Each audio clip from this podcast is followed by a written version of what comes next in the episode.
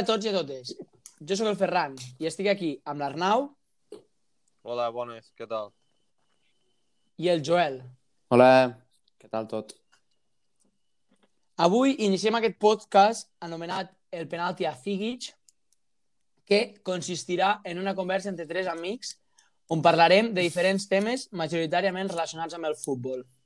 Bé, primer que tot, el nom ve d'una anècdota eh, de, bueno, bàsicament l'Arnau i meva, perquè l'Arnau i jo som eh, amics des de que anàvem a l'institut, vam anar a l'institut junts, El futbol... a Mollerussa i, el, i, i vam, vam conèixer-nos a l'institut i després vam coincidir també en, en un equip de futbol a diferents categories i el Joel és el meu germà. Llavors eh, ens coneixem doncs, des de fa bastants anys i sempre ens ha agradat molt el futbol. Llavors, el, en l'eliminatòria en què de la primera Europa League, què la primera Europa League que va guanyar l'Atleti de Madrid, on les semifinals van ser un Atleti València, va haver una jugada polèmica en què Juanito fa un penal clamorós a Nicola Sigic i eh, al final, amb les protestes, una Emery marxa expulsat, picant-se a la cara, volguem dir, i cridant, mucha cara, mucha cara. Hi va haver, I bueno, hi va haver bastant barullo, recordo. I si no recordo mal, Zigic portava la samarreta estripada de l'agarrón. Sí, sí, sí, sí. sí. I, I bé, aquesta anècdota és una anècdota que ens va fer molta gràcia tant a l'Arnau com a mi i llavors hem decidit que seria un bon nom per, per englobar doncs, doncs, el contingut d'aquest d'aquest podcast. Llavors, bueno, eh, com ja he dit, els tres som grans aficionats del futbol i també al mateix temps passem moltes llargues estones escoltant contingut d'altres d'altres podcasts i bé, eh, després de pens- d'estar pensant un temps, han decidit començar doncs, aquesta aventura per poder compartir i deixar gravat doncs, el que nosaltres pensem i, i nosaltres sentim. I bueno, eh, avui tenim una sèrie de temes a discutir, eh, però primer volia preguntar-vos eh, com esteu, com pinta la setmana. Eh, Joel? Bé, bueno, avui he fet un examen que ha anat prou bé i la setmana bé, com- amb, amb il·lusió de començar-la ja, de fer aquest podcast i tot. Bé, bé, anar fent. I tu, Arnau? Bueno, la veritat és que primer estava així amb una mica d'incerteses, però realment apeteix fer aquest podcast amb vosaltres i bueno, pues poder comentar amb algú de futbol perquè entre que ara estem més aïllats de la gent en general, el no poder sortir i, bueno, i que jo potser ja no, no estic tan dins d'alguns cercles, com per exemple que sí que segueixo futbol però no jugo, vull dir, està bé poder-ho parlar amb vosaltres perquè bueno, al final no hi ha tanta gent amb qui discutir-ho de forma adequada. Exacte, és important. Sí, totalment, totalment. Jo, de fet, l'altre dia al Joel li deia, parlant per WhatsApp, li vaig comentar que guai que ara tinguem un grup en el que realment puguem parlar de diversos temes de futbol, perquè normalment doncs, bueno, hi ha molta gent que li agrada, futbol, que li agrada el futbol, però d'apassionats, apassionats que realment segueixen el futbol gairebé constant, dia a dia, constantment, molt, i, i consultin les, sobre noves eh, notícies o, o propostes que van sortint, tampoc hi ha tanta gent i llavors tenir aquesta, aquest grup que ara hem creat en, en nos- nosaltres tres, la veritat és que, que, que bueno, a mi la veritat és que m'a- m'a- m'agrada molt poder tenir tenir aquesta nova, aquesta nova afició ara. Um, I bueno, m'he descuidat de dir que volíem felicitar al Joel perquè bueno, el Joel és juga a la tercera divisió aragonès al Binèfar i ahir es va confirmar que el Binèfar jugarà al playoff d'ascens a la, el que seria la segona B que es crearà l'any que ve i volíem felicitar al Joel perquè bueno, el seu equip al final ha aconseguit Molt bé. ha aconseguit posar-se en aquest playoff i, i bueno, em, si, a veure, què tal, bueno, que, com són els teus sentiments respecte a aquesta fita que heu fet, que heu aconseguit? Bé, molt content, al final. I més com, com ha sigut perquè teníem, la setmana passada vam perdre un partit que si guanyàvem ja, ja ens ficàvem matemàticament i aquesta setmana no jugàvem i depeníem de d'un altre resultat i la veritat és que fins que no es va acabar, pues, bueno, jo personalment vaig, vaig acumular molta tensió que quan s'acaba el partit pues, vaig estar molt content perquè significa que ja ens hem aconseguit l'objectiu que és, que salvar la categoria i a partir d'aquí ja intentarem pues, amb la màxima il·lusió intentar a veure si podem fer el playoff o no sé, però per això també he dit que està il·lusionat perquè aquesta setmana ja comença la, la segona lligueta i bueno, a veure què tal, amb moltes ganes. Sí, sí, a veure, a veure què, què, depara, què depara la competició. Molt bé. Bé, doncs, primer que tot, el primer tema que volíem parlar, a part de, de fer una mica d'introducció al que seria aquest podcast, eh, és el sorteig de la Champions, eh, què penseu, o sigui, de, i de l'Europa League, quins són els pronòstics i com espereu que siguin les, les classificacions. Si vols, Arnau, comencem per la Champions. Molt bé, d'acord. Um, bueno, um, et vaig dir, bueno, si vols fer un comentari així una mica general o si vols parlem de més, més individualitzat de tema... Vale. Tema eh, eliminatoris. Sí, d'acord. Bueno, he de dir que sobretot estic content perquè a veure, a la Champions sempre, sobretot en aquestes altures, acostuma a ser així, però crec que veurem partits de molt, molt nivell. Vull dir, hi ha xocs molt interessants i al final el partit a priori més fluix és el del Chelsea contra el Porto i, i és que el trobo molt interessant perquè al cap i a la fi han fet una gesta i a veure si poden arribar més lluny o què. Llavors... Sí, sí. Bé. Sí, la veritat és que sí, perquè jo crec que tant el Porto com el Chelsea a priori eren, no eren favorits, sí, potser. Sí, sí. I els dos s'han aconseguit classificar i crec que sí que serà una eliminatòria una eliminatòria interessant. Després també eh, és curiós la, la repetició de la final de l'any passat, no? El Bayern, el, el Bayern PSG, sí. que, bueno, al final el PSG té l'opció de... Sí, poden... De la, de la revanxa.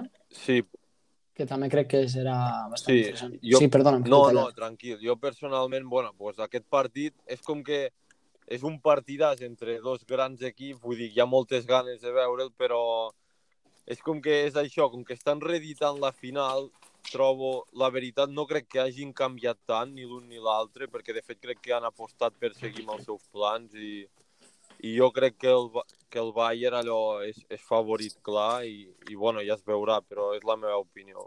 M'agradaria saber què pensa el Joel sobre això, perquè potser bueno. està més al dia que jo amb jugadors i bueno.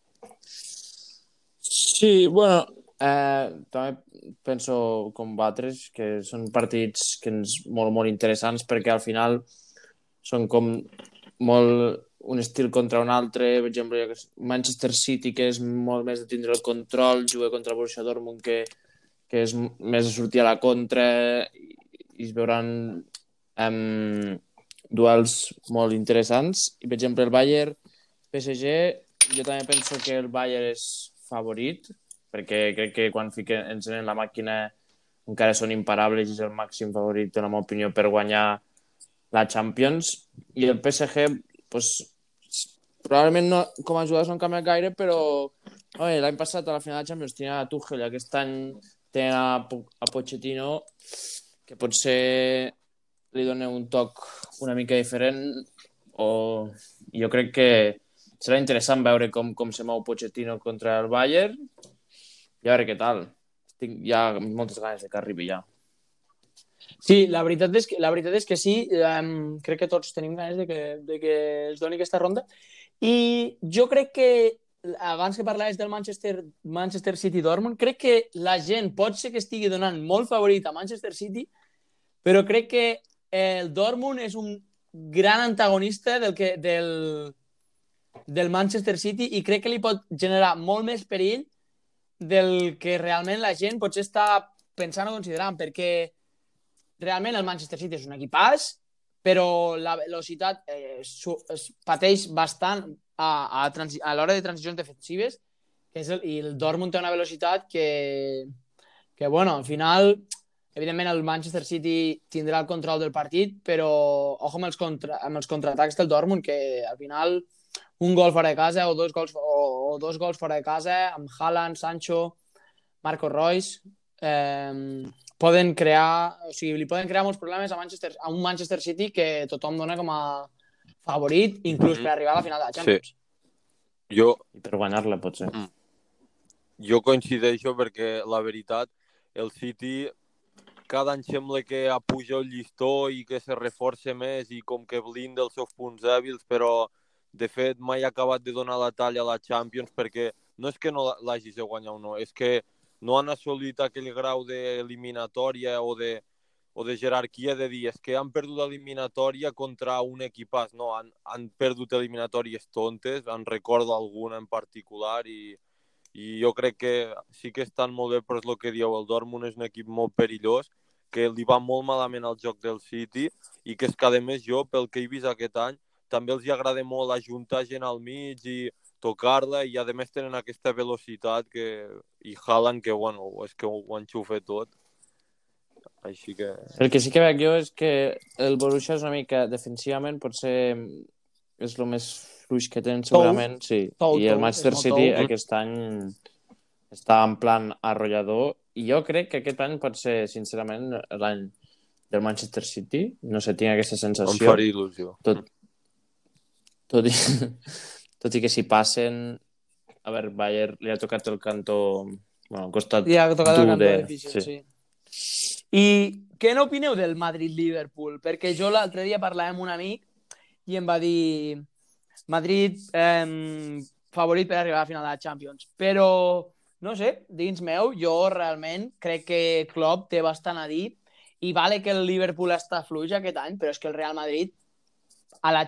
tampoc és que hagi demostrat estar tan, tan fort. A la Champions l'altre dia va guanyar l'Atalanta, que d'acord, va, ser, o sigui, va ser bastant superior, però al final l'Atalanta crec que està un nivell per sota del que, dels jugadors, de la, o sigui, de la qualitat que pot arribar a tenir el Liverpool i no el veig jo tan favorit com, com per aquest, aquest amic em va, em va fer veure. Mhm. No sé què en penseu vosaltres, Arnau. Bueno, jo, la veritat, primer vull creure en aquests valors que suposo que avui en dia encara es mouen a l'esport, només faltaria, sobretot al del nivell, de que els del Liverpool tindran ganes de revanxa i de venjança de la final aquella de Champions, primer de tot, i perquè si no ja els hi val.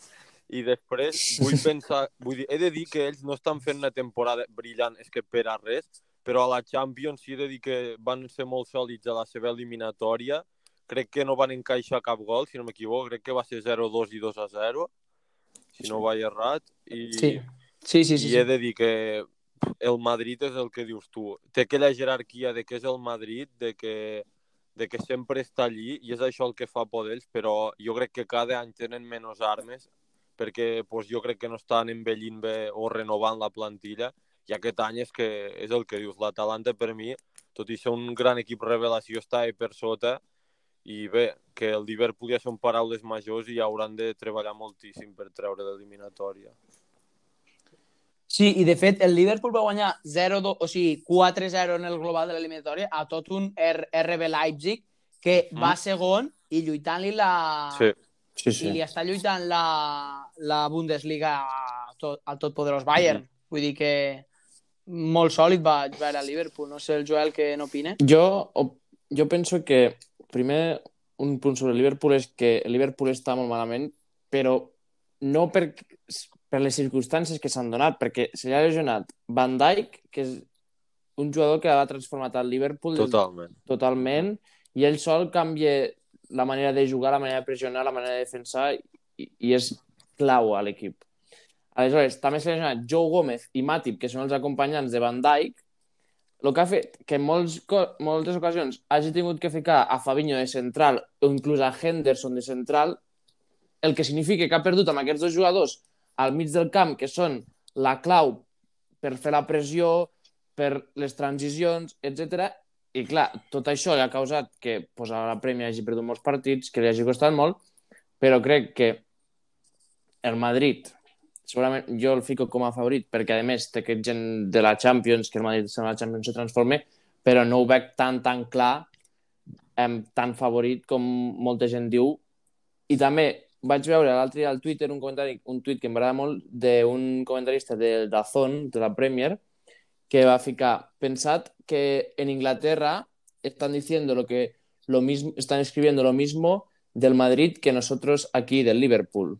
És a dir, que el Madrid des de fora tampoc és que va, es vegi com un equip que vagi tan bé, perquè recordo que ha tingut molt males, molt males èpoques durant la temporada. Mm -hmm.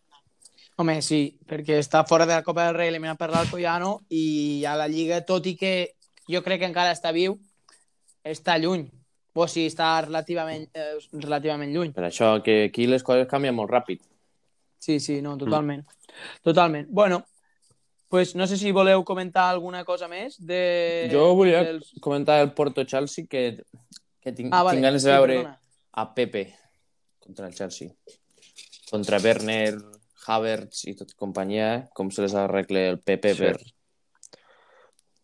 per sí, tot i que crec que, pati, crec que pot, pot patir, eh? perquè, uf, el Chelsea vaig veure l'altre dia... O sigui, el partit de nada contra l'Atleti no va ser tant, però la tornada la que l'Atleti sí. li va deixar espai era un autèntic vendaval a la contra. Em vaig, em vaig quedar al·lucinat de la potència que tenia Werner. dos com Werner, sobretot Werner, la potència que, podia, que tenia, sí. el perill que creava amb una pilota llarga del és, no-res. És que és un equip que trobo que, que ha tingut, vull dir, té moments durant la temporada, saps? Perquè ha, estat, ha sigut irregular, però segueix estant allí, crec que lluitant per entrar a Champions, vull dir, per a res està lluny. Sí, sí. Però és que és això, que té el potencial per, si no ara d'aquí poc, vull dir, formar un bloc molt, molt interessant. És que amb aquests jugadors tan bons a l'espai, ja sigui Werner, que és que és una realitat de tio, o Ziyech, que sembla més irregular, però està allí, i després els que has nombrat tu, Joel, vull dir, són tocadors, i apareix com un bloc rocós, vull dir, contra l'Atlético es va veure,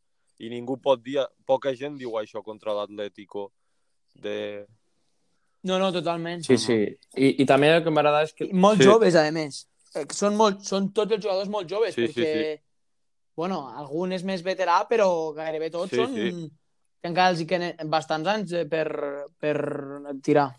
I també, a mi el que m'ha sorprès el partit de l'Atleti, a part de lo ràpid que eren Werner a la contra i lo potents, és que l'Atleti van a pressionar al principi molt a dalt i sortien jugant i sortien moltes vegades bé a triangular amb els tres centrals més el pivot i encara els faltava, el faltava Jorginho i Mason Mount, que són uh -huh. dos dels jugadors més importants. I, evidentment, el Chelsea ha fet el millor mercat de, de tota Europa de fitxatges a l'estiu, perquè va fitxar uh -huh. Havertz, Werner, Sijek, sí i, i ara ha arribat el Tuchel que diuen des d'Inglaterra i tal que l'ha portat perquè faci, perquè faci funcionar els alemans i que potser amb Lampard tenien més problemes perquè la, no van ser fitxatges de Lampard, sinó de la direcció deportiva. Llavors també totes aquestes coses pues, fan trastoc una mica, no? Sí. I el Tuchel li ha donat aquest punt de, aquests canvis que estan... Que a mi el Chelsea em va agradar molt a l'eliminatòria amb l'Atleti i totalment hem mereixedors de, de passar a quarts. Sí, totalment, totalment d'acord. A veure, a veure, tindrem unes eliminatòries divertides ara quan després de la, del paron de seleccions. Després, eh, si voleu, podem comentar també una mica el sortit d'Europa League, que crec que hi ha alguns partits eh, interessants. bueno, més que res, eh, potser l'Arsenal, l'Eslàvia de Praga i el Dinamo de Zagreb Villarreal els podem deixar una mica a part perquè realment no... Bueno, l'Eslàvia de Praga i el Dinamo de Zagreb la veritat és que són bastant desconeguts, per mi per lo menys. Sí, crec que està bastant... Bueno... I, I a més bastant descompensat, sempre poden haver sorpreses, però bueno. Eh, en principi. Però després hi ha un Ajax-Roma que, que és bastant, bueno, que és bastant xulo, i després hi ha un Granada de Manchester United que també crec que està molt descompensat, però bueno, crec que pel Granada és un, és un autèntic privilegi poder jugar contra tot un Manchester United en uns quarts de final de competició europea. Um, i, i bueno, si voleu comentar, si no sé quin partit eh, voleu comentar primer, eh, Joel, per exemple. Um, jo, mira, jo di, volia dir una cosa, que és molt trist, fa molta pena que un Granada de Manchester United hagi sigut a, a la temporada, l'única temporada de la història sense públic. Totalment. Que, un, que l'afició del Granada no pugui disfrutar d'uns quarts de final d'Europa League la primera vegada de la seva història contra tot un Manchester United, que no es puguin desplaçar a, a Old Trafford. Ho trobo molt injust perquè és tan, està sent tan bonic, bueno, en plan, des de fora es veu tan bonica que el que està fent el Granada que, que no sé, em sap greu per l'afició, sobretot. Però bueno, Sí, totalment. a veure si, a veure si poden donar la sorpresa, ojalà i puguin passar. Uh, Sí, no, però... perdoneu, només això, que, que bueno, que jo, vull dir, que estava pensant el mateix, sobre, bueno, crec que tots ho pensem, lo del públic, i, i res, això, que ojalà poguessin arri arribar a semifinals, perquè és que estan fent un temporadón i ho mereixen. Però pinte... Sí, el que passa que crec que el Manchester United Sí. passa... Bueno, a veure, tot pot passar, al final és futbol i és la màgia del futbol, però crec que el Manchester United, en, pri- en principi, si està al seu nivell, hauria de passar per damunt del Granada sense, sense cap problema. En un partit, en un, a, un- a un partit, potser, jo crec que potser les coses, les forces podrien igualar, però és que el Granada havent d'anar sobretot jugant a fora, eh, o sigui, no jugant ni a casa, entenc, perquè suposo que Clar. serà com la Champions, Sí, no, no ho sé. sí. Sí, sí, o sigui, no segurament. jugant ni el primer partit a los Cármenes, eh, claro, després haver d'anar a Old Trafford, no sé, crec que se li pot fer molt, molt difícil al Granada. No sé. I després... Digues, Jo- digues Joel, perdona? Un escenari molt, molt gros, molt gran, potser, no? El Trafford... Sí, sí, crec que, crec que sí, crec que sí. I després, l'Ajax-Roma crec que pot ser un partit eh, bastant interessant, on les forces estan, des del meu punt de vista, bastant igualades. Sí. Um, I vull dir que i l'Ajax al final torna a tenir una oportunitat d'arribar amb unes, amb unes semifinals eh, europees un altre cop i crec que també pot ser un, un partit maco per l'afició, bueno, per, per le, amb dues aficions, no? Perquè la Roma també... bueno, la Roma sí que va tenir la- l'alegria aquella de quan va eliminar el Barça, però Sí.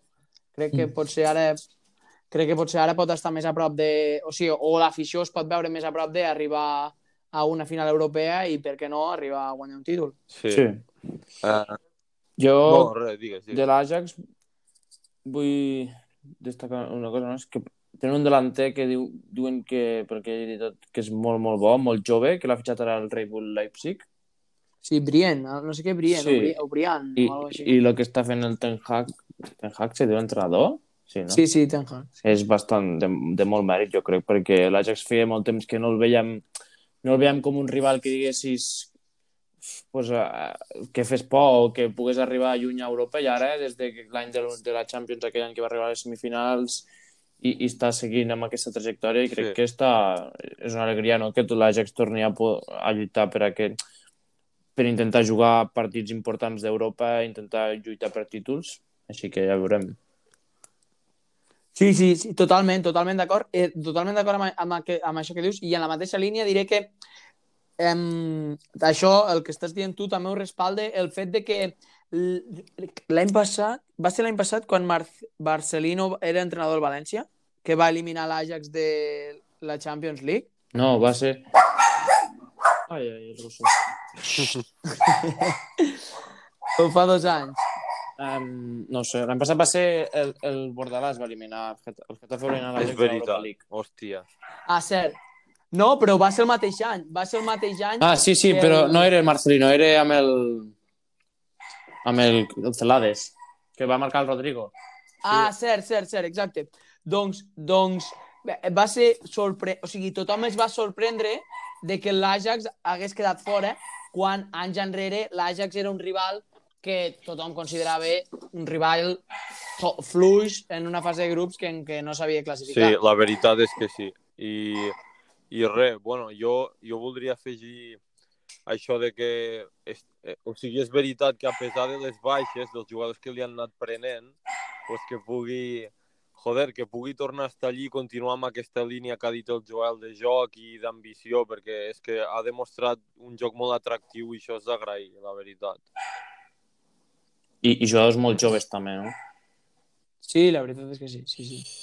Bueno, doncs ja hem fet una mica un repàs al que seria la Champions League i, i l'Europa League i ara el Joel ens volia parlar del tema, bueno, d'una idea que està, una teoria, una idea que està intentant desenvolupar-se Wenger sobre Sí, per poder canviar el fora de joc, no? El que, o sigui, el que... sí, ho vaig sentir la, l'altre la, dia. la norma fora de joc. Ho vaig sentir l'altre dia, vaig buscar, bueno, vaig llegir aquí alguns artic algun article, i bueno, ara jo no sabia, que l'Arsène Wenger és director de desenvolupament del futbol per, per la FIFA, o sigui, treballa per FIFA, i, i està teoritzant i sobre, una, sobre canviar la regla del fora de joc. O sigui, ara el fora de joc, qualsevol, eh, qualsevol part del teu cos que estigui en situació eh, no reglamentària, diguem, per davant de l'últim defensor, menys mans i braços, qualsevol cosa que puguis marcar gol, és fora de joc, no?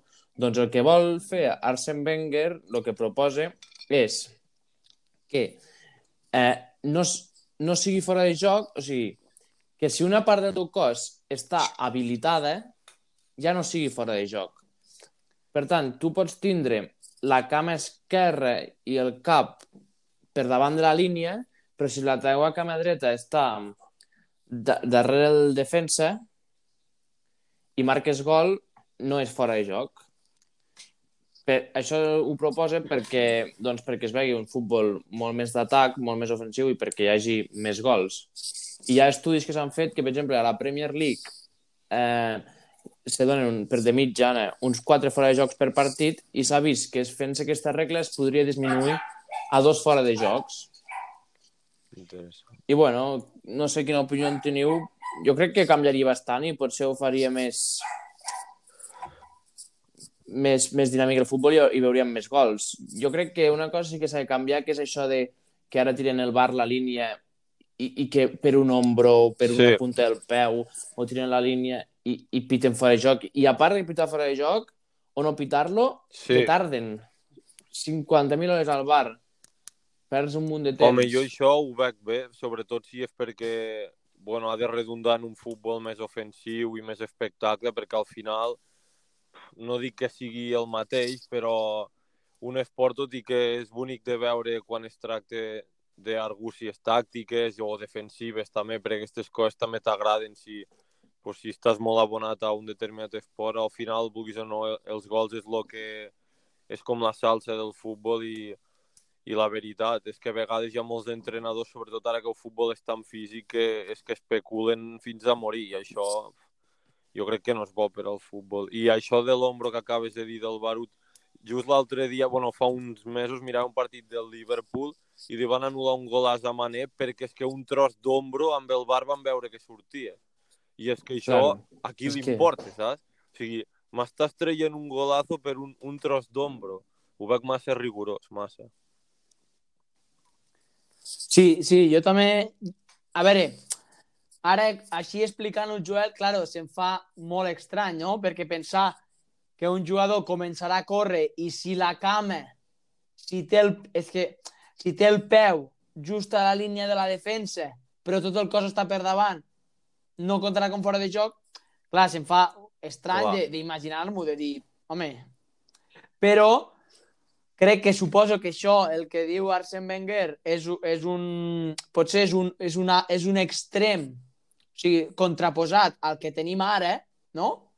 Però potser això farà, aquesta teoria potser farà, o aquesta proposta potser farà que al final s'arribi a un punt intermig on hi hagi una miqueta de, un, on hi hagi una mica de marge per tal d'evitar tota aquesta rigorositat de que s'estan anul·lant gols que, que, que sembla que, vamos, o sigui, que l'avantatge que, o sigui, jo sóc partidari d'opinar que si al final la, la, la norma està com està, si sigui, una, si sigui un, un centímetre d'ombra o sigui tot el cos, si està per davant és fora de joc, perquè la, la, la norma mm. és com és. Però sí que entenc que això, la, la, el gol aquest de Mané, que va ser bastant, bastant famós, no li dona cap avantatge a, a Mané claro. per arribar a fer el gol, perquè a més la jugada, si no recordo malament, és una pilota que no Exacte. li va ni directament a... Sí. O sigui que a l'inici sí, de la jugada sí, Mané sí, està sí. fora de joc, però continua la jugada i el gol ve posterior. Crec o sigui que el punt clau és el que has dit tu, que es mm. tracta de si t'avantatge a tu o no la teva posició. Si, si no hi ha aquest avantatge, jo crec que no s'hauria de ser tan rigorós. Llavors. Clar. I... No, perquè... No, sí, sí, sí, sí, no, no, no, acaba, acaba, Ferran. No, que dic que això també s'ha donat en moltes ocasions, sobretot, per exemple, el, el, eh, recordo també algun gol de Griezmann aquest any que també li han anul·lat per res, per un mil·límetre de que dius que hi ha les línies que dius no sé quina està per davant i no sé quina està per darrere, que a vegades veus la imatge del bar amb les dues línies, una sobreposada a l'altra. Sí, sí. sí. Dius, bueno, i, al final no, no sé. I, tam, I jo crec que també, amb això pensant, amb l'hora sempre que no ha vingut, que per exemple, els defenses, que moltes vegades la línia defensiva pues, tira la línia, no? basant-se una mica on està el jugador. Clar, si tu tens una cama davant, una cama darrere, i la de darrere ja et compte com, com que no és fora de joc, clar, tirar la línia per la de línia defensiva també és més difícil, perquè has d'estar pendent de a veure on té la cama més enrere el jugador que ataque, saps el que vull dir? Jo Sí, sí, sí, sí. planifico com, plan, com a jugador, jo, quan tiro a la línia que sóc defensa, i me fixo una mica, seria encara una mica més complicat. Llavors jo crec que potser que, bueno, en la meva opinió és massa exagerat Arsene Wenger el que diu, però és el que hem dit altres de, de si, aquest, si el tros d'ombro, el tros de part del cos te dona avantatge per arribar o no, perquè imagina't que és un trosset de peu, però amb aquest trosset de peu l'has tocat una miqueta i has marcat gol, home, aleshores potser sí que Mm. si estan fora de joc no sé. Clar, Però el, bueno. que passa que, el que passa és que ah, si entrem amb això, o sigui, entrar a la subjectivitat No, no, ja. en una cosa que és tan objectiva, Ja, ja. Suposo que també ho volen evitar, perquè si no és afegir més polèmica al futbol i fer-los fer fer més complicada la feina, a, o sigui, fer més complicat l'arbitratge, no? Perquè, claro, has d'interpretar si aquella mica de cos que tenies per davant t'ha ajudat o no. Seria com les mans aquestes, seria una locura. Però bueno, Però crec que, cre crec que la, idea, la proposta que està d'Arsene Wenger, pues, al final, si ajuda a... El que està clar és que, com ha dit l'Arnau, que això s'ha de canviar perquè no pot ser que sigui tan rigorós i que s'anul·lin gols per aquestes, quasi bé que et diria tonteries, però i crec que potser la idea de, Ver, de Wenger pot ajudar en, en aquesta Sí, línia, sí. no? Sí. Però bueno, veurem com acaba. Sí, bueno, doncs amb això par hem parlat una mica de, de tot el que volíem i aquí posem punt i final a, al primer podcast d'aquest el penalti a, a Figic i esperem que el qui escolti aquest, aquest episodi eh, sigui de, que li agradi i, i el gaudeixi com l'hem gaudit nosaltres eh, mentre eh, discutíem dels diferents temes que hem parlat. Molt bé, encantat, nois. Sí. Igualment, un plaer. Vale, Fins la pròxima. adeu. Adeu.